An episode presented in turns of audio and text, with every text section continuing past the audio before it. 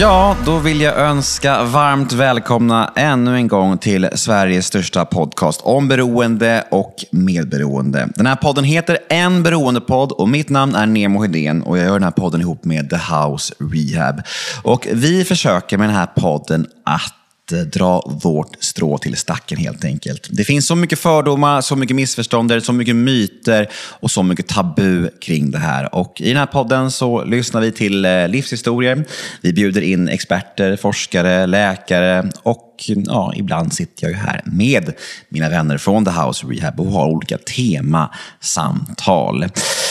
Veckans gäst är en eh, kvinna från eh, tolvstegsvärlden som jag har lärt känna i de rummen. Eh, men innan jag presenterar henne så vill jag gärna säga till er älskade lyssnare, ni får gärna gå in på vår Instagram som heter kort och gott en beroendepodd och önska gäster, teman och allt sånt där. Det tas emot med glädje via DM. Så ja, det är bara mys när ni hör av er och ger oss feedback så vi vet vad vi kan göra annorlunda, vad vi ska göra bättre och allt sånt där. Men nog om det. Nu ska jag presentera veckans gäst. Hon är rykande aktuell med en självbiografisk bok om eh, sitt missbruk och sin väg ur det.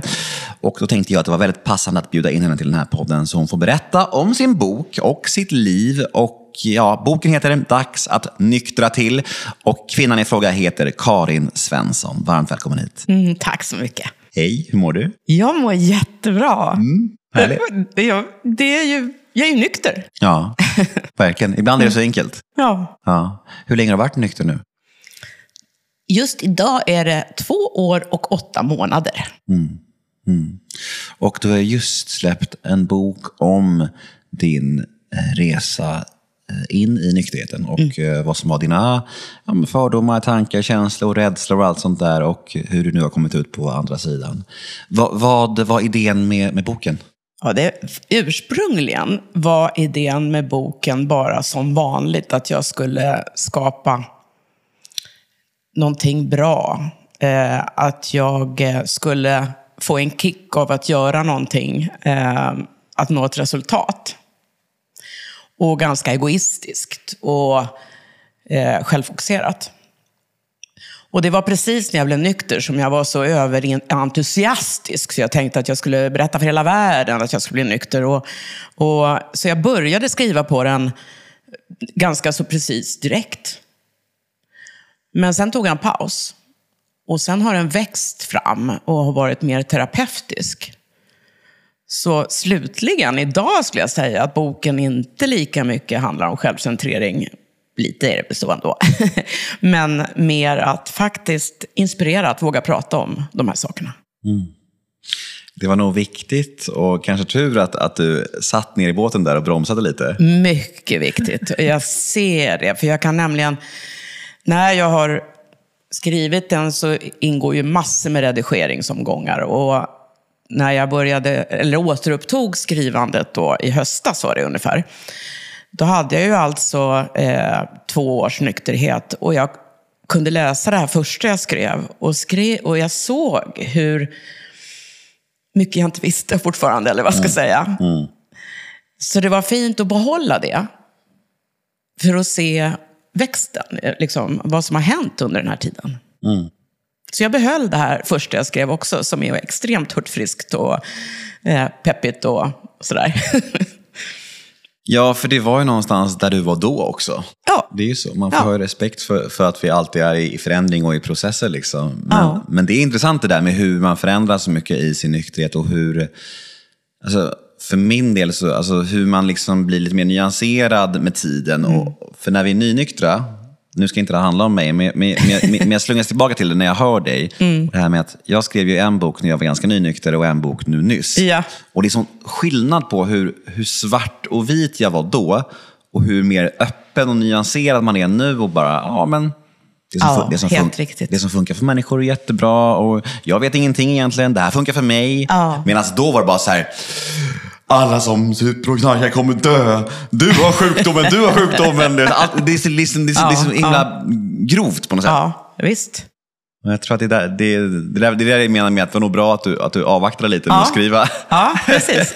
Jo, men jag koncentrerade mig liksom på tolvstegsprogrammet och det jobbet istället bättre. Eller vad ska jag säga. Alltså jag, så jag inte höll på med massor med grejer samtidigt, för det är ju en av mina problem också. Kicksökandet gör ju att jag söker grejer hela tiden, så att, eh, det var ju bra att jag fattade det, eller att min högre kraft, min Gud, sa till mig, så att säga, att eh, ta en paus i det här nu. Du kan inte göra allt på en gång. Nej, precis. Jag var helt säker på att liksom 12-stegsmetoden var det enda som funkar. Och gör man inte den när man super knarkar, då, då, då är det kört. Liksom, Ja. här. Medan idag är det bara så här, men det som funkar för människor är väl toppen. Liksom. Ja. Alla gör Ja. som de vill. Liksom. Ja. Jag, jag kan bara fokusera på mig själv ändå. Ja. Ja, ja intressant. Men, men du, ehm, vi vill ju rekommendera boken då såklart för våra lyssnare. Men ja, vad trevligt. Vilka ska läsa den boken tycker du? Vad är målgruppen liksom? Det, alltså det är också intressant. Målgruppen är nog sådana som jag var. Eh, jag var, eller jag är uppvuxen med, eller jag hade väldigt mycket fördomar kring vad alkoholism och narkomani var för någonting. Eh, och jag skäms för det nu, idag, när jag har fått lära mig mer. Så när jag själv valde, eller började, ja, skulle nyktra till, så så sökte jag information. Och, för då var jag liksom redo att läsa någonting om hur andra hade gjort. Så jag tänker mer att det ska vara en eh, liten källa för inspiration. Inte att gör inte som jag, det är inte så. Utan eh, så här gjorde jag och jag är glad idag. Men jag ber om ursäkt för att jag hade så mycket fördomar förut. Eh, så lite, ja, jag har inte tänkt målgrupp mer än att sådana som jag var förut. Det är inte dig det var fel på, det är, sam, det är samhället. Nej, fasen heller. Ja, men jag, jag, jag tycker det på ett sätt. Alltså, att liksom så här, De här fördomarna som vi har och som jag hade, som du hade, som alla har. Det beror ju på samhället mycket ju. Så är det ju. Alltså, vi, kan, vi kunde ju inte bättre. Vi visste ju inte bättre. Nej, men det är ju sant. Det är ju så. Alltså, sant. så här, hur ska man kunna liksom ha en bild av alkoholis, alkoholism och narkomani när, när det är liksom en bild som målas upp så, så grovt av liksom media och Ja, ö- sant. Så det är sant ju så att här- det är losers. Ja, på men exakt. Folk, Ja. Och superknarkar varje dag och liksom Ja. Ja. Bara, folk som inte vill sluta. Ja, du vet, så här, det här, Ja, nej, men det tyckte jag ju själv. Jag tyckte ju liksom, när- och, och när folk också pratade om, eller man hörde någon som sa att ja, men det är en sjukdom. Och jag menar att då skyllde de ifrån sig. Exakt. Eh, det är väl bara att rycka upp sig, trodde Mm. jag själv. Innan jag själv drabbades. Ja, men precis. Ja. Ja, nej, men det är så. Det är därför sådana här poddar och din bok och mina böcker är så viktiga. Så, så vi Mm. får liksom sprida lite kunskap och rätta ut alla de här missförstånden och fördomarna. För de är ju så, de sitter så otroligt eh, djupt rotat Ja. hos gemene man. Det är ju Ja, så. ja. Jättesorgligt, men, men eh, vi får bara fortsätta jobba med det vi gör helt enkelt. Just det. Men du, eh, eh, vart är du ifrån? Jag är från Uppsala ursprungligen. Vad var det för typ av familj du eh, växte upp i? I en, en kärnfamilj eh, som bestod av mamma, pappa och en, jag hade en tre år yngre syster. Eh, och det var, eh, pappa jobbade, var jurist inom akademin, mamma var hemmafru, kallade sig själv för lyxhustru för att hon kunde vara hemma. Eh, jag är ju född 55, så på den tiden, eh, apropå fördomar, så det, det var ju så det var många gånger. Men de levde ihop alla år, så att, ingen av dem hade något missbruk. Och det var väl också förresten en av mina fördomar, att jag trodde, eftersom jag inte hade det liksom ärvt, jag trodde att jag hade ärvt det, så därför kunde inte jag bli alkoholist, trodde jag. Till jag blev det. Har du funderat mycket på det? Varför du eh, blev det trots att det inte fanns genet- genetik i bilden? Ja, och det är ju det boken har hjälpt mig att, att, titta bakåt och så vidare. Och jag, jag kan ju se att, eh, som vi pratar om många gånger, vi kan inte skylla på någonting, men vi kan förstå någonting. Och, och jag kan förstå att jag hade ett, redan då ett väldigt högt bekräftelsebehov. Eh, ett behov att bli sedd och älskad som kanske inte fylldes fullt ut. Men det var inte det var bristen. Men vad vad blir jag som behövde mer än vad jag fick? Men det betyder ju inte att den som skulle ge eh, gav för lite heller. För ehm, alla gör ju så gott de kan och, och vad de vet. Liksom. Mm. Mm. Ja, men precis. Det där är lite svårt, det där med vad är hönan och vad är ägget. Är mina behov rimliga? Men jag tänker att alla alltså, barns behov är, är, nog, är nog rimliga. Men det där behovet kan också, det kanske ska... Det kommer till en viss gräns i, i varje människas liv, tänker jag, när man växer upp och blir vuxen. Där liksom man liksom inte kan skylla på det längre. Nej, exakt. Men jag, var, jag tycker att jag är tonåring fortfarande. Så det var som att jag fortsatte vara tonåring. Eh, och, ton, och tonårsfasonerna är ju att alltid skylla på något, något annat än en själv. Mm. Men det är mer som jag kan se en slags förklaring, för det är verkligen inte så. Jag menar, herregud, jag är ju verkligen vuxen borde man ju vara i alla fall. Hur såg eh, tonåren ut? Alltså jag har inget särskilt minne mer än att jag, jag var ju liksom duktig flicka. Eh, och eh, jag, Uppsala är ju en sån stad, det är ju en studentstad för det första, så att där, där dracks det liksom. Och jag eh, säger det i boken också, att jag kan liksom inte se riktigt när min eh, alkoholkarriär började riktigt. Jag, jag drack nog som andra. Eh, jag vet, jag provade mellanöl på den tiden fanns det ju och vin och sådär, men det var inte särskilt gott egentligen. Liksom. Men, men folk drack och då drack vi. Liksom. Och sen, eh, ja det ingick. Men det var inga så här större skandaler. Liksom. Det, det, det skulle dröja. Vad sa du? Det skulle dröja. Det skulle dröja, ja precis. Sen blev det desto, desto mer istället. Ja. Men, Ja. men, men hur eh, lång tid in i livet dröjde det innan liksom det började ta fart, skulle du säga? Ja, gud. Alltså, Och det är också något jag analyserar i boken. För att jag vet ju när jag slutar, så att säga. Och, och det var ju som sagt för drygt två och ett halvt år sedan.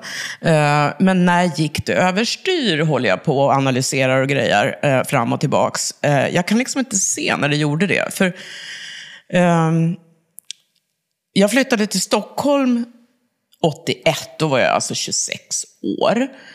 Eh, och då började jag på ett jobb som var internationellt, så att det var mycket affärsresor eh, utomlands och, och sådär. Och, och då ingick representation och saker. Och så, jag jobbade hårt eh, och sen på helgen var jag ute på krogen. Liksom. Mm. Var det tv-branschen du var i då? Ja, jag, då var det sort of film och tv-branschen. Senare så var jag med och, och fick chansen att starta eh, kommersiell tv i Skandinavien. Eh, och det var 87. Eh, men då fortsatte ju det här resandet och det internationella eh, jobbandet. Och cocktailpartyna i New York eller eh, alla middagar i Cannes eh, på fil, film, film och tv-festivaler och sånt där. Så det var ju ett väldigt liksom, ytligt sett flärdfullt liv. Liksom. Men när jag representerade och var ute med kunder, då drack jag måttligt och vettigt. Eh, när jag kom hem så var jag ute på krogen med polarna och då kunde jag ju spåra ur. Men jag tyckte fortfarande att, ja men vadå, jag klarar väl det här. Det är väl liksom, jag, jag dricker ju på helgerna bara. Mm. Mm. Men, men vart det några konsekvenser då redan? Eller när du säger spårar ur, hur, hur menar du? Spåra ur så tillvida att jag drack för mycket. Och därför ibland inte kunde komma ihåg hur jag kom hem till exempel. Men ändå, jag, jag ryckte alltid på axlarna och menade att det här var ju tillfälligheter. Liksom. Eh, och igen, min, min definition av alkoholism redan då på, när jag var i, i 30-årsåldern eh, var ju att eh, jag hade ju kontroll. Jag drack ju inte jämt. Liksom. Jag tyckte att hemmadrickande, det är det. Då är man alkoholist. Tror du att det var svårare för dig att relatera till eh, en riktig problemdrinkare också för att du ändå hade så här, ja, men ett högpresterande jobb som ändå var ganska högt upp liksom i, vad ska man säga, ett ganska bra jobb liksom? Ja, ja, det tror jag nog absolut. Och det kan jag ju se nu. Eh, för det var ju det jag trodde. Så länge man har jobb och så länge man sköter jobbet och kommer i tid och, och levererar och, och allt sånt där. Eh, så är det väl ingen fara. Jag tänkte inte ens på att det kunde vara en fara. Nej. Vad skulle krävas för det? Ja, vad som krävdes, det här är ju också lite speciellt. För, hela jag har ju varit en presterarmänniska, det kan jag också se nu. Eh, och, eh, jag fick ju, alltså kickmänniska. Så att även då att göra affärer fick jag ju kickar av. Bra affärer fick jag kickar av. Att kunderna var nöjda fick jag kickar av. Att gå ut på krogen och träffa folk och ha roligt och bli sedd fick jag kickar av. Ehm, och sen när jag blev eh, 39 och ett halvt så tänkte jag, jäklar vad tiden rann iväg här nu. Jag vill ju få barn. Eh, och då, då hade jag ju jobbat inom tv-branschen då i närmare tio år och eh, jag var liksom trött på, jag ville bli mamma och lite lugn och ro det är ju inte det här podden ska handla om i och för sig, men, men bara visa lite grann hur jag, hur jag var och hur jag resonerade. För då var det att ingen man i sikte. Hur gör man då när man vill bli mamma? Det finns inga regler för, för vad podden ska handla om, så det är helt lugnt. Det är, det är helt lugnt. Nej, precis. Men det här är en stor del av mitt liv som, Ja, ja. som, som också visar, eh, tänker jag, hur, hur, hur det blir. Hur det kan bli ibland. Och, och då var jag ju, jag var ju, klart att det var egotrippat också. Men jag var på, ja, det låter ju också helt sjukt. Jag var på Hawaii och såg ett tv-program i USA där man eh, pratade om singelkvinnor som eh, lät sig bli gravida genom eh, spermadonation.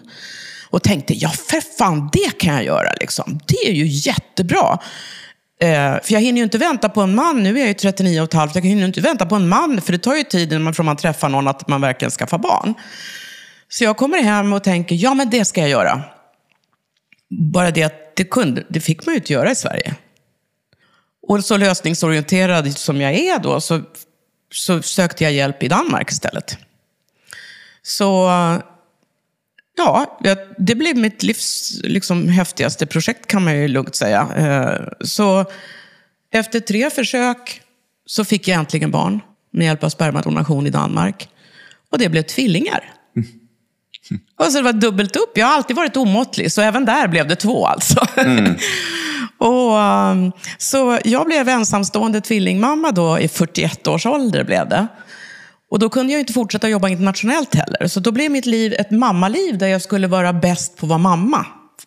Och dess, bäst på att vara singelmamma och bäst på att gå på dagis, eh, som det hette på den tiden, förskola, möten och bäst på att, och så vidare. Då drack jag inte. Jag drack ibland när vi åkte på några sådana här eh, utlandsresor och sådär. Men vad jag gjorde var att jag tog till ett annat missbruk. Och det här var jätteskämmigt. Det här var ingenting som någon visste överhuvudtaget. Inte ens jag själv. Eh, det var helt knasigt. Eh, jag började missbruka eh, smärtstillande tabletter i min ensamhet. Liksom. För jag var ju så lycklig och stolt över att jag blivit tvillingmamma. Men någonstans så klart att det var jobbigt. Och det vill jag ju inte erkänna. För jag var ju duktig liksom. duktig flicka. Så att där började ett tablettmissbruk som jag periodvis liksom höll på med. Istället för alkoholen kan man väl säga. Fast ja, jag trodde ju inte att jag var beroende av alkohol då. Men... Så beroendemänniska kan man ju verkligen lugnt säga att jag är. Mm. Vad var det för tabletter? Det var sådana här smärtstillande, Citodon eh, och sådär. Ja. Mm. ja. Vad heter det? mm, Tvillingar fick du där. Mm. Och vart är vi i tiden då ungefär? Då är vi 1996. Och jag är alltså 41 år. Så jag är hemma med mina barn. Eller hemma med mina barn. Men jag, jag, jag, gör, jag sköter ju mina barn, eh, söker nya jobb, jobbar deltid. När de blir lite större börjar jag gå på krogen igen. Liksom. Um, och sen 2007 när jag är 52, då tänker jag, men gud vad bra. Jag, jag, eller gud vad bra. Jag blev av med ett jobb då, ett eh, jobb på en reklambyrå som ett deltidsjobb. Och då tänkte jag, nej men jag startar nog företag. Jag kan, jag kan vara säljkonsult istället. Jag kan eh, liksom jobba, som, ja, jobba med sälj som eh, konsult. Och det här gör jag samtidigt som jag ska lägga av med det här tablettmissbruket. För det gör jag 2007. Eh, och jag har inte använt tabletter sedan dess. Och det är jag stolt över att jag tog tag i det där. Och sen eh, i samband med att jag startade slutade jag alltså med tabletterna. Och då sprang jag rakt in i väggen. Eh, vad är vad liksom här? Alltså, vad är missbruket? Vad är, vad är prestation? Vad är allting här? Och bara ett halvår efteråt så får jag en cancerdiagnos. Och då är mina söner 11 år. Så det var lite mycket på en gång kan man lugnt säga. Ehm, och då, Prat, då prat, kom, Pratar med dem om... om Ja, inte till en början. För jag ville liksom först... Jag, måste, jag tror jag måste smälta det själv först. Liksom. För, för det, var, det var stort. Det var en kronisk cancer i, i benmärgen. En blodcancersjukdom. Ehm, men jag kommer ihåg hur jag tänkte, vilken tur att jag har slutat med tabletterna. Kommer jag ihåg att jag tänkte. För annars hade jag nog liksom dämpat mig med dem och, och, och, och sörjt med dem eller något sånt där. Så det här var alltså när jag var 53 år, ja precis.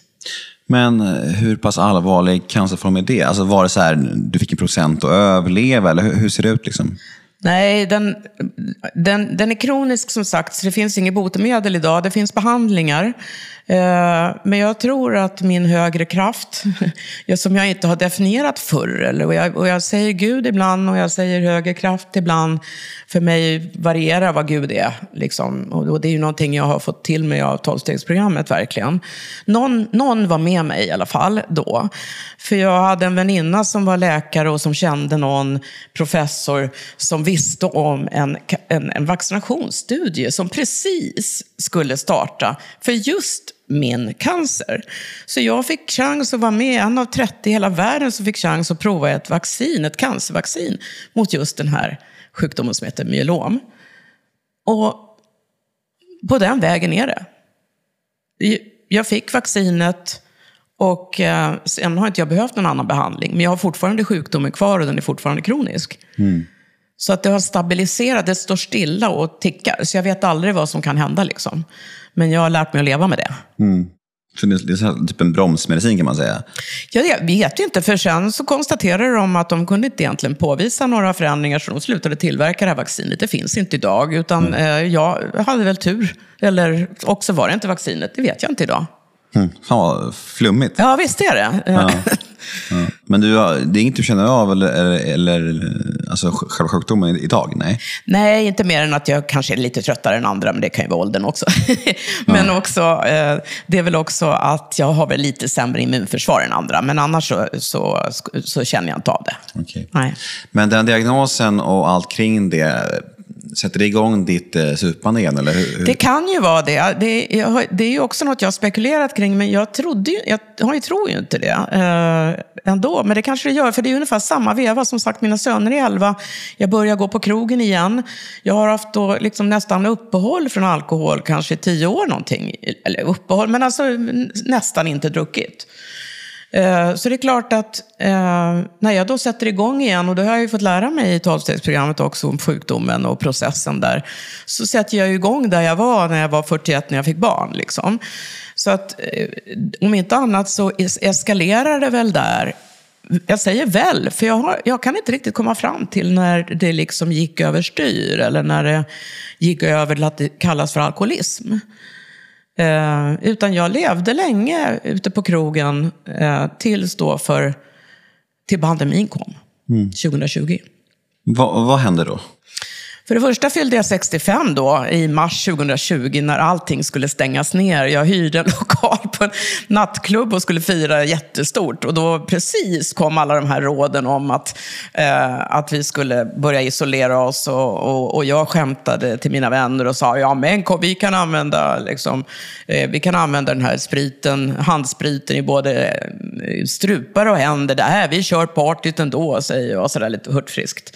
Eh, och det kommer ju, vi, vi blev väl en 20 pers eller någonting eh, på min 65-årsfest då i mars 2020. Och, 20 stycken vaccinmotståndare. ja, men så fattade vi ju ingenting än. Vi Nej. visste ju ingenting om vad som skulle hända där. Mm. Verkligen, det var ju så nytt alltså. Eh, men vi partade ju loss som sjuttsingen. Och efter det så, och jag lämnade kvar presenterna på den här lokalen. Och sen gick jag ut med ett par tjejkompisar efter liksom festen. Och jag kommer inte ihåg hur jag kom hem. Mm. Så där ser man ju att redan då hade jag ju uppenbarligen tappat kontrollen. Eh, och, så det är ju en händelse jag minns att jag, jag minns att jag inte minns. jag minns att jag inte minns att jag kom hem. Liksom. Eh, och det var väl det här som jag nu när jag skriver boken och börjar blicka tillbaka så ser jag att det var allt fler sådana tillfällen. Eller att jag kunde vakna och ha något sår på knät eller någon handled som var stukad. Liksom. Men jag ryckte alltid på axlarna och tänkte, ja, men det ingår väl, liksom. det var väl tillfälligt bara. Um. Och sen började vi isolera oss. Jag hade haft liksom så mycket principer. Att så länge man inte dricker vin i sin ensamhet i bag-in-box, då är det ingen fara. Så länge man bara socialdricker och går på krogen är det ingen fara. Och då blev det liksom som vilda västern på något sätt under pandemin. Eh, nu kunde jag inte gå på krogen längre. Hur skulle jag då, jag som bara socialdrack, hur skulle jag göra då? Ja, hur gjorde du då? ja, men då blandade jag ju drinkar hemma och så ringde jag upp på videosamtal, för då socialdrack jag ju fortfarande. Liksom. Mm. Så jag lurade mig själv som sjutton. oh. Och de andra, drack de också? Ja, men jag umgicks med kompisar som också drack. Alltså. Ja. ja. Men det här med att du eh, under bokens process nu har ändå um, fått vissa insikter om att genom åren kanske du ändå inte drack på ett sunt sätt med tanke på att du ja, men slog dig, ramlade, minnesluckor, mycket sånt där.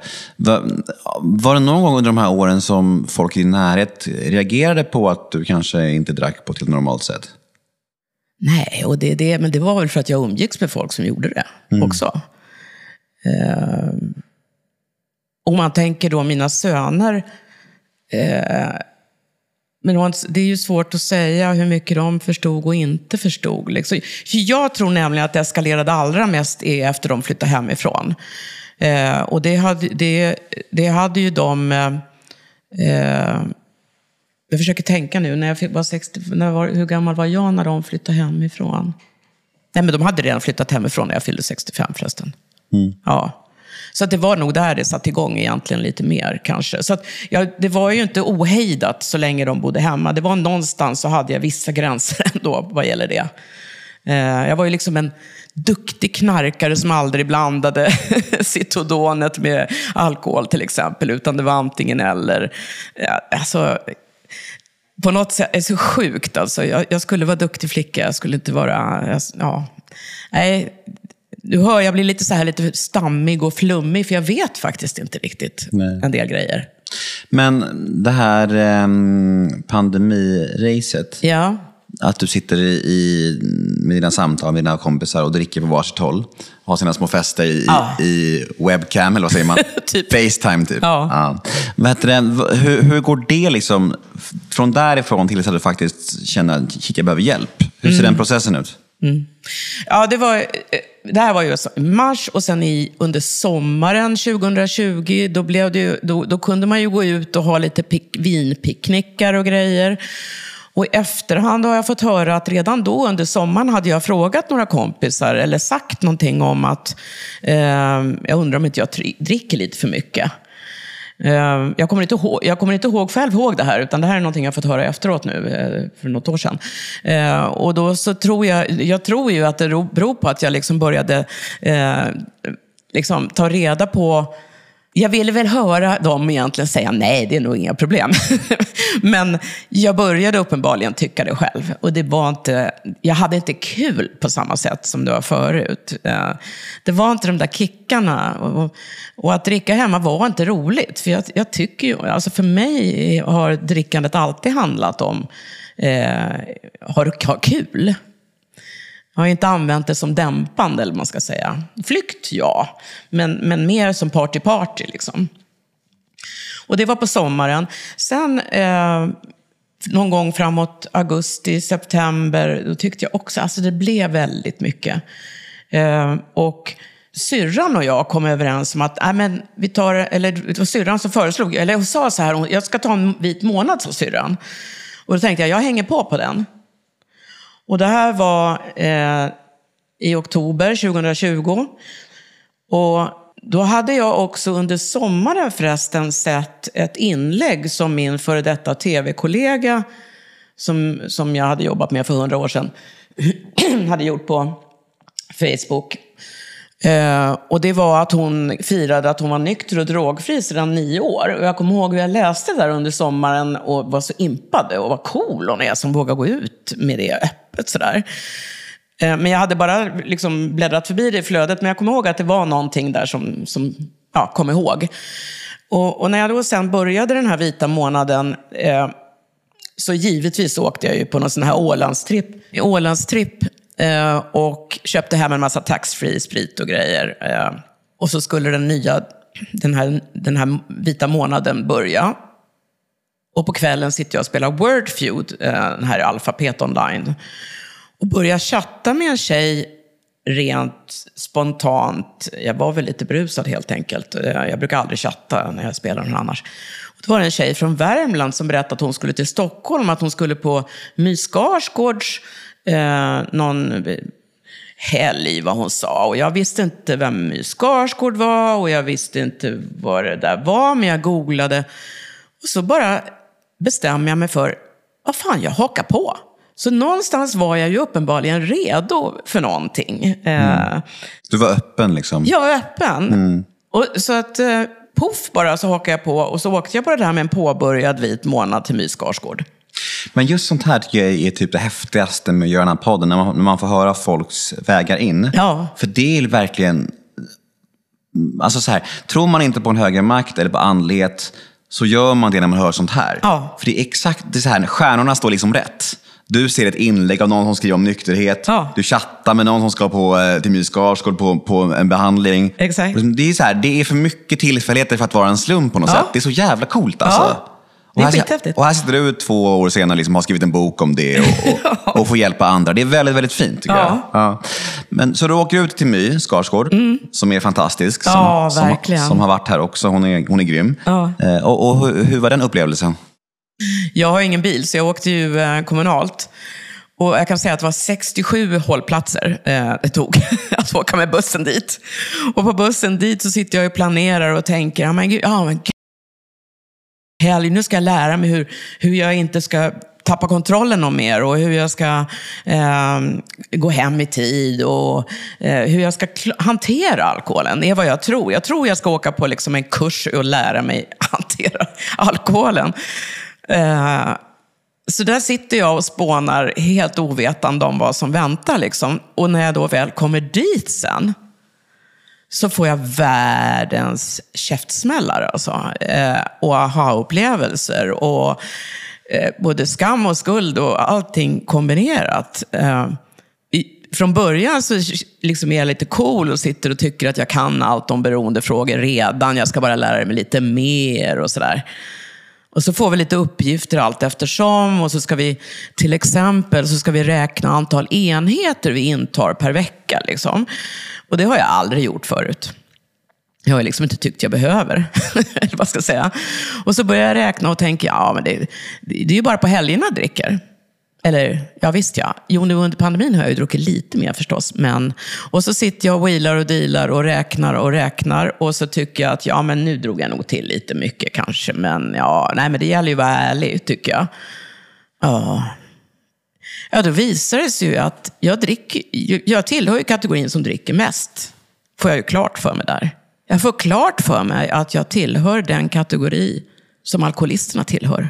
Och jag blir helt jag blir helt chockad. För jag liksom tänkte, ja men jo, men alkoholmissbrukare är jag nog.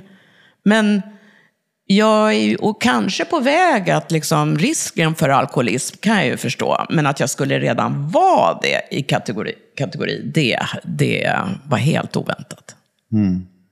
Hur fick du det att känna dig? Det var både chock, men på sätt och vis så här i efterhand kan jag ju tänka, eller nu är jag lättad. Nu är jag tacksam som sjuttsingen att jag, att jag åkte på den här och fick den insikten. Men det var ändå ett jäklar anamma i det, att då fattar jag att det finns liksom ingen, det finns inget att wheela och deala med. Det, det finns ingen återvändo, jag måste göra någonting åt det. Så mycket fattar jag. Och jag är också tacksam för de här 67 hållplatserna hem, för där satt jag verkligen och och vände och vred på alltihopa. Och jag började tänka, ska jag dricka upp taxfree-spriten som jag köpte nu innan? Ska jag dricka upp den först när den här vita månaden har gått? Och sen kan jag sluta? Eller ska jag avbryta den vita månaden, dricka upp allt och så kanske jag, det här var i oktober, jag kanske ska börja från årsskiftet, ett nytt fräscht år. Och så där håller jag på och wheelar och dealar på vägen hem. Och så kom jag fram till, nej, alltså det går ju inte. Jag måste ju sluta. Så när jag går av, går av bussen då, så har jag bestämt mig att jag ska sluta. Att jag ska bli vit. Den där känslan när man har fått den där insikten, eh, när man liksom har eh, förstått att man är eh, alkoholist eller narkoman. Den ambivalensen man känner, som du beskriver så fint. Det här med att både någonting skönt i att liksom så här, men också någonting helt liksom, sorg, smärta, skam, skuld, allt skit på en gång. Liksom. Allt. Den är så otroligt speciell den känslan. Ja. Jag, kan, jag, jag kommer ihåg den så väl. Det var liksom, jag hade exakt samma känsla på behandlingshemmet när jag for, for, första gången liksom lyssnade på sjukdomsbegreppet och, och kunde liksom ta in det och fattade att jag var också liksom rökt. Den här, ja men, sån otrolig separationsångest från det gamla. För det var liksom, även om det var destruktivt så var det liksom allt man hade, den tryggheten. Ja. Eh, Men också den här hoppfullheten i att okej, det finns en väg framåt. Här finns det människor som har gått före, det Ja. finns det. Så den, det är så svårdefinierbar den känslan. Alltså. Men det är, det är intressant att höra andra, för jag tror alla har känt känslan. ja. När liksom poletten faller ner, att, att nu, är det liksom, nu är det ett vägskäl här. Nu är det ett vägskäl, ja. Du kommer hem från eh, My, Mm. och vad händer då? Ja, det första är ju att jag måste ju fan rensa det där förbaskade eh, barskåpet med all taxfree sprit. Liksom. Det fattar jag ju, för det kan ju inte stå där och, eh, eh, och frestas. Liksom. Så det, det, det tar jag ju tur med. På en gång och ringer upp någon. Och jag är ju säljare, så jag kunde sälja in mig direkt på att hon skulle komma på en gång och, och hämta upp det. Så jag slapp se de här hemska flaskorna. Frestande flaskorna i skåpet där. Nej, men... eh, Ja, och det här är väl egentligen jag som individ, det här lite jävlar anamma, nu jäklar ett nytt projekt och, och ro i land. Liksom. Så att jag är ju så liksom hög på tanken att jag ska klara ett nytt projekt. Ett, mitt svåraste projekt ever kanske.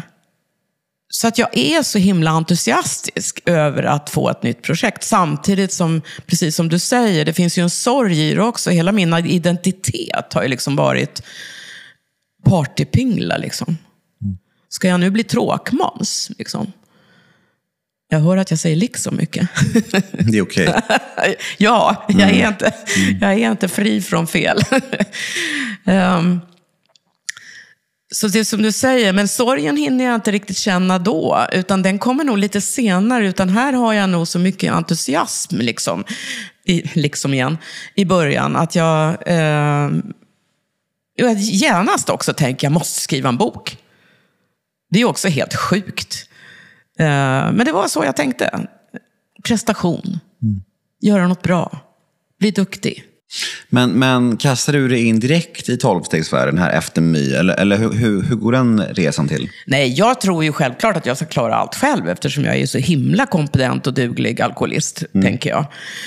Ehm, så där har vi ju igen slumpen, eller vad vi ska kalla det för, ehm, den högre kraften eller ödet. Eller, och det är ju att jag i början minns det här inlägget som jag hade sett i sommar, på sommaren där om min gamla tv-kollega, om hennes nioåriga nykterhet. Så att jag tänker efter ett tag, jag, jag, jag kan ju jag kontaktar henne för, mest för att tänka att vi kanske kan göra något ihop. För hon hade startat någon, någon, någon verksamhet som lät spännande och sådär. Jag visste inte så himla mycket. Så jag kontaktade henne och bara berättade att jag har blivit nykter. Liksom. Har du lust att, att, att, att träffas? Och det var verkligen så. Jag tänkte ja, men det kunde vara något samarbete eller något vi kunde göra. Säljaren i mig- mig igen tänkte att någonting, kanske någon business eller något. Men jag var ju övertygad om att jag skulle klara det själv. Så att när vi då träffas och så var det skithäftigt för det första att träffas. Jag, var så, jag beundrade henne så för att hon hade tagit det här steget. Att hon, och jag tycker hon är så cool eh, och så. Eh, men hon berättar då om, eh, också tipsar. Det var ju liksom nästan när vi var på väg att skiljas åt efter vår, vår, vår eh, fika där. Att hon tipsar om ett tolv, något tolvstegsprogram. Eh, och säger någonting om att eh, om man kommer att tala om Gud där och det kan man välja att eh, säga Gud så som eh, gemenskap utan droger, sa hon redan då. Och jag tänkte, vad pratar hon om, tänkte jag. Och, så här. Det, och det finns ett möte redan ikväll, sa hon. Ett digitalt möte. Och jag log och tänkte, ja, ja. Eh, och var liksom artig och sådär. Men jag tänkte, vad fattar hon inte att jag kommer klara det här själv? Alltså, det här... Och jag blev nästan förnärmad över att hon tyckte att jag skulle behöva hjälp, jag som var så himla duktig. Men så, just eh, för att jag ville vara duktig och visa mig liksom seriös, så bestämde jag mig i alla fall då, slutligen när hon tjatade lite, att jag skulle köra det här digitala mötet via Zoom. Jag är en här evigt tacksam idag, men då i början och första mötet, fortfarande satt jag med liksom armarna i kors. Mm, var det så? Ja. Mycket motstånd liksom. Ja, jag tänkte, vad ska det här vara bra för? Hur var mötet då? Ja, nu, nu när jag återbeskriver det, för anledningen till att, att, att jag kan återbeskriva allt och att jag har skrivit så mycket, det är att jag skriver dagböcker, annars skulle jag inte komma ihåg allt som har hänt. Men det, är ju, det var ju det, det var, jag var ju van vid Zoom-möten, men det, jag var ju inte van vid ett möte på det här sättet. Det var en annan slags möte, lugnt, lugnt kan man säga. Eh, jag var ju så kallad nykomling då. Och, och så skulle man få någon digital nykomlingsbricka. Jag fattade ingenting verkligen. Och, eh, och jag hörde hur folk välkomnade mig. Och, och jag fick liksom attention som jag inte hade tänkt. Jag hade trott jag skulle kunna liksom lite diskret i bakgrunden där eh, vara med på mötet. Eh, nej, jag var helt slut efter mötet, verkligen. Och jag tänkte, nej, jag, fattar ingen, nej, jag fattade ingenting. Men sen hej, hakade hon på. Så sa hon, ah, hur, och så skickade hon något messenger dagen på eller när det var. Eh, men hur var det här mötet nu då? Eh, det är ett, ett nytt möte som du kan gå på, på Söder. Det är ett eh, live-möte så att säga. Och så kan du gå där och så Oh, tänkte jag, gud kan jag inte få vara i fred? Eh, men jag gick på det för, igen för att vara seriös och duktig. Då var det någonting som sades. Och det var mental besatthet. Mental besatthet. Det uttrycket. Då började jag känna igen mig. För någonting som jag kände igen var just den här omåttligheten. Att har jag gjort något så har jag alltid varit all in på något sätt. Eh, och det har varit allt från att jag var storrökare till att jag eh, drack en jäkla massa Cola Zero till att eh, jag, har varit omåttlig i det mesta helt enkelt. Så det blev någon slags vändpunkt. Jag började kunna se någonting. Och, eh, ja, det var, men det tog tid ändå, för det var, jag fattade hälften av vad som sades. Och sen blev det ett tredje möte, ett fjärde möte och ett femte möte. Och på den vägen är det. Hur lång tid tog det innan du kunde börja känna så här, shit, det här, nu händer ändå grejer i mig liksom och så här. Och, och hur lång tid tog det innan du, bör, innan du började jobba liksom i stegen och, alltså, och göra det på riktigt liksom? Det, det var ju ganska så snart ändå, även där var jag ju lydig, för att all, då började jag höra det här med att folk tyckte man skulle ta en sponsor. Så då gjorde jag ju det. För det skulle man ju. Och jag och började jobba med i stegen och det, det beskriver jag också i boken hur, hur konstigt och främmande det kändes. Men hur jag ändå var lite lydig och var lite villig för jag ville göra rätt på något sätt.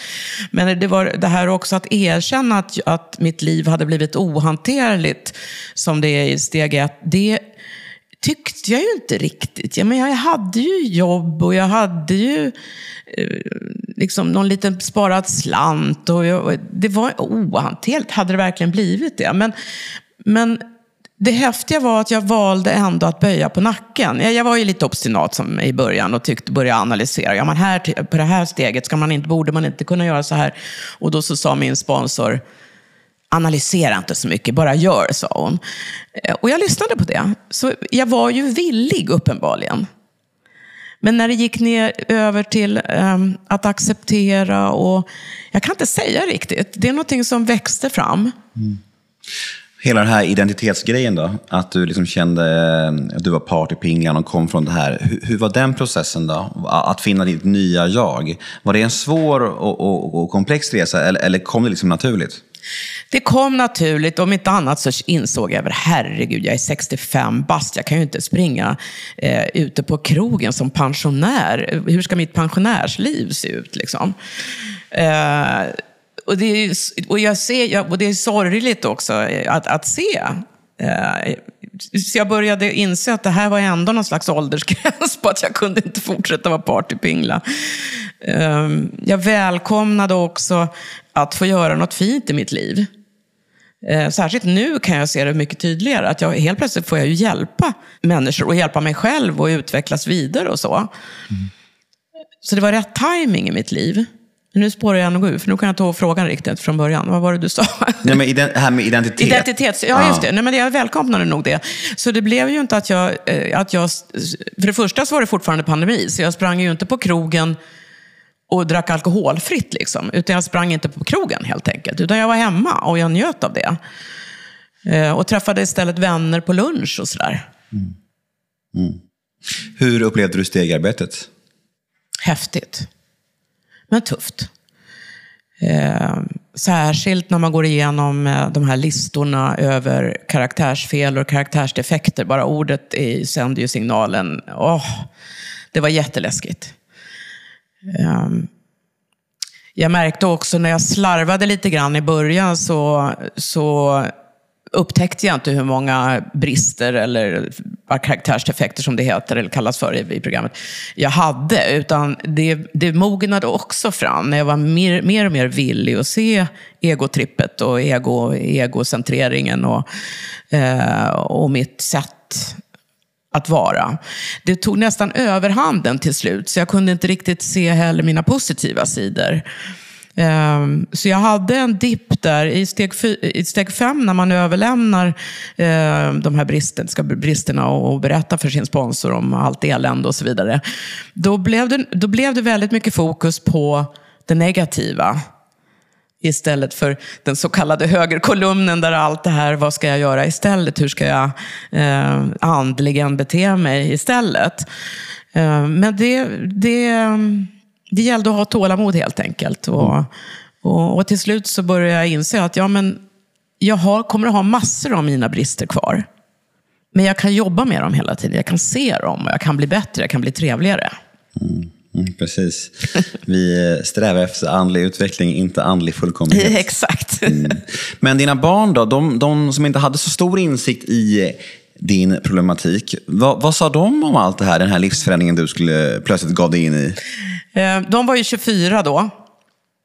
Och eh, jag tyckte det var en fantastisk händelse att jag skulle, nu skulle jag bli nykter. Och jag ringde hem, eh, eller jag, jag bestämde träff med den ena efter jobbet, eller hans jobb, direkt efter jag hade varit på, hos My Skarsgård den här helgen och, och skulle, över, skulle berätta den här nyheten.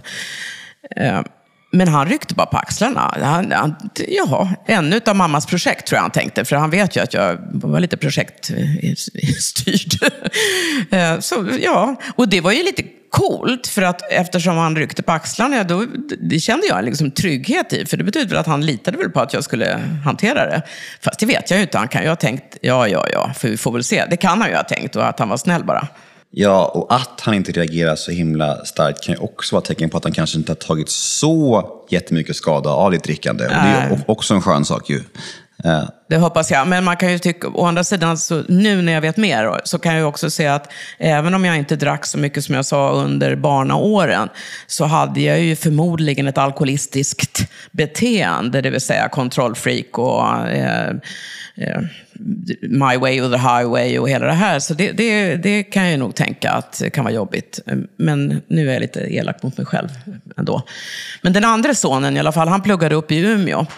Eh, och honom eh, ringde jag och berättade också. Det var samma sak där. Jag hörde ju inte att han ryckte på axlarna, men det var ungefär så han sa. Då, någonting om att ja, ja, ja, det var ju oväntat mamma, typ. Mm. och så var det med det. Mm. ja, det är så. Man, man, vill gärna ha en, en, reaktion. Jag hade liknande grejer också. Det är så här, man tror att det ska vara världens grej för alla. Liksom. Men, eh, och det är det nog för vissa kanske, men in, in, inte för alla. Nej. Nej. Ja, då är vi framme vid eh, favoritsegmentet The House svarar, där vännerna från The House hjälper till och svarar på en lyssnarfråga. Hej Felix och välkommen till studion. Hej Nemo. Hej Anna och välkommen till studion. Tack så mycket, hej. Mm, och ni representerar The House Rehab idag och er mm. visdom. Ja, det vi gör, det. Vi. Mm. Robert är ju i Berlin, så nu passar Passar vi, vi på? på här och dansar på borden. Ja. säger Felix. Lite press också, vi känner. Vi måste leverera inte han är här. Nej, Tvärtom, alltså, det är nu man släpper, han, skulle vara så, han skulle vara så stolt om han hörde oss. Mm. Ska vi ta en lyssnarfråga? Ja, tack. Vi kör. Eh, frågan lyder så här den här veckan. Varför har vissa extra svårt att bli nyktra medan vissa grejer det bara sådär år efter år? Ska jag köra? Mm. Nej, men beroende är en sån jäkla individuell sjukdom. Och till den här frågan så finns det det finns en ganska bra saying i tolvstegsrörelserna som jag gillar. Och det gäller i behandling också för den delen. Och det är att den enda som kan diagnostisera sig själv med den här sjukdomen är personen själv. Det, finns, det spelar ingen roll hur många läkare, hur många terapeuter, hur många familjemedlemmar, hur många vänner som säger att du har ett problem. Det måste vara personen själv som förstår det. Och ur den insikten, det är, där man brukar, det, är det man kallar för steg ett, liksom, så kan ju ett vidare tillfrisknande ske. Och alla de här människorna de kommer in med olika erfarenheter, trauman, tankar, känslor, familjesituationer som kan dra ner en, historier. Alltså det kan vara vad som helst som kan göra det väldigt svårt för vissa att faktiskt komma fram till tillfrisknande. Medan vissa kommer in med exakt likadana problem och bara, fan programmet eller vad man nu ska göra för typ av behandling, det bara klickar. Eller Och så, så var man klar. Så det, är liksom, det, det, det, finns inget definitivt svar förutom på att alla är olika och för vissa tar det ganska lång tid att komma fram. Alltså jag tänker också så här att, att, att i tolvstegsvärlden så pratar vi mycket om de här tre viktiga egenskaperna. Mm. Att man ska vara öppen, ärlig och villig. Ja. ja. Öppen för lösningen, mm. villighet att göra det jobbet som krävs och ärligheten för att kunna göra jobbet liksom med sig själv. Steg ett, två, tre. Precis, och, och, det är ju faktiskt det är inga lätta egenskaper och, och, många förstår ju inte faktiskt allvaret och vikten i de här tre grejerna när mm. man kommer in. Det är liksom, ett, ett vanligt missförstånd vet jag om är att man tror att man blir frisk på en behandling och efter mm. bara, ja, men nu är jag frisk, nu kan jag leva leva så, så har man träffat några? Får det, ja, exakt. Det får det att funka i livet. Liksom. Mm. Men man måste ju leva i ett slags tillfrisknande. Det vet ju vi vid det här laget. Mm. Eh, och alla de här grejerna som man, vi pratar om här nu, det vet ju inte gemene man som lever i sjukdomen. Det får man ju lära sig. Liksom. Men det där är en jättebra sak du tar upp där och det är ju att det är så jäkla mycket av vårt tillfrisknande, eller allt, grundas i vårt egna arbete. Mm. Mycket handlar om liksom vilken energi och vilken typ av ärlighet lägger du in i de här stegen och de grejerna du gör. Och speciellt hur tar du hand om det sen i steg 10, 11, 12. Ifall nu pratar om 12-stegsbehandlingar. Eh, men väldigt mycket grundar sig i de karaktärsegenskaperna. Mm. Ja men verkligen. Och, och, den här frågan tycker jag var jättespännande. Sen finns det ju många svar på mm. den, precis som du var inne på Felix. Man kommer hit med beroendesjukdomen men med olika bagage, med olika utmaningar, med olika förmågor. Vissa, som, ja, vissa av oss har kanske övat på olika strategier såsom oärlighet, manipulation sen barnsben. Så det kanske man inte vänder på ett dygn. Alltså för vissa mm beroende på liksom, vad har jag använt för strategier, hur hårt sitter de, eh, så är ju det här individuellt. Men en sak som jag satt och funderade på nu som är väldigt fint och som är gemensamt för de som faktiskt tillfrisknar är nyfikenhet. Mm. Om det bara finns en liten smula nyfikenhet på vad kan ett annat liv ge mig än det här i missbruk och misär så brukar det gå väldigt bra faktiskt. Mm. Och har man inte den så kan man få hjälp liksom att så kan vi hitta den tillsammans. Fram. Ja, precis. Jo, men så är det ju. Ja, så, så är, det. det absolut. För nyfikenhet kan, kan liksom smitta. Mm. Eh, men, eh, det känns som att nyfikenhet är ett annat ord för steg två på något sätt. Ja, mm, det är det. Öppenhet. Absolut. Mm. Fin tolkning. Ja, men mm. verkligen. Fint och fint sammanfattat på den här eh, intressanta frågan. Om man vill komma i kontakt med er på The House Rehab? Då får man jättegärna mejla till sandra at thehouserehab.com eller alicia at thehouserehab.com. Mm. Sen finns vårt telefonnummer på hemsidan där vi svarar så fort som möjligt. Toppen! Ja. Tack Fina grejer. Tackar. Tack själv. Tack. Mm, Tack du med din kloka lyssnarfråga och hoppas du är nöjd med ditt svar. Jag sitter här med bokaktuella Karin Svensson och vi har doppat tårna i hennes livshistoria och eh, fått ta del av lite av varje faktiskt. Men du, nu är boken ute och ehm, hur är känslan nu då när, när den finns i handen och, och hur har responsen varit hittills för de som har eh, läst? Ja, den är jättefin och jag, åh, det är så mysigt. Det är precis det här jag vill, är ju att, att det, det, jag har skrivit den väldigt skämtsamt, med, med, mycket allvar också. Och så ärligt jag bara kan. Och jag har inte skrivit om de smaskigaste detaljerna, för det är inte det. Det är fördelen med att skriva boken, man kan ta bort de smaskigaste detaljerna.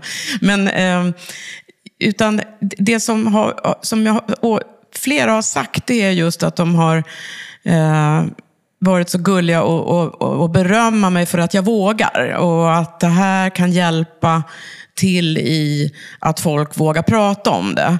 Ehm, så den feedbacken har jag fått. Och det är precis, jag gillar ju den här inledningen som, som du säger också i podden här. Det är precis det jag vill med min bok. Att, att vi ska våga prata om det. Att det inte ska vara skämmigt, utan att vi, vem som helst kan drabbas av. Jag, jag har ju eh, en kronisk cancersjukdom och jag har en kronisk alkoholism.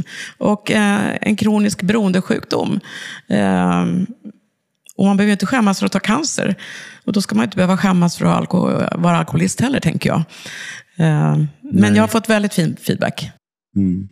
Och med de eh, kloka, fina orden tycker jag att vi kan eh, avrunda. Jag är glad att du kom förbi, Karin, och berättade lite om ditt liv och, din bok. Mm, tack. Hur, hur är känslan nu? Känns jättebra. Mm. Jag hoppas även min historia kan förmedla någonting jag sitter inte på lösningen, men tolvstegsprogrammet gör det. Mm. Mm. Jag är övertygad om att eh, flera lyssnare har fått med sig jättemycket viktigt och fint från den här pratstunden. Mm, tack. tack alla underbara lyssnare för att ni är med oss varje onsdag. Vi är så tacksamma och glada över det. Och ni får gärna mm, ja, gå in på Instagram, skicka önskemål på teman, gäster och allt sånt där. Och mm, så hörs vi igen nästa onsdag. Var rädda om er så länge. Puss och kram, hej då!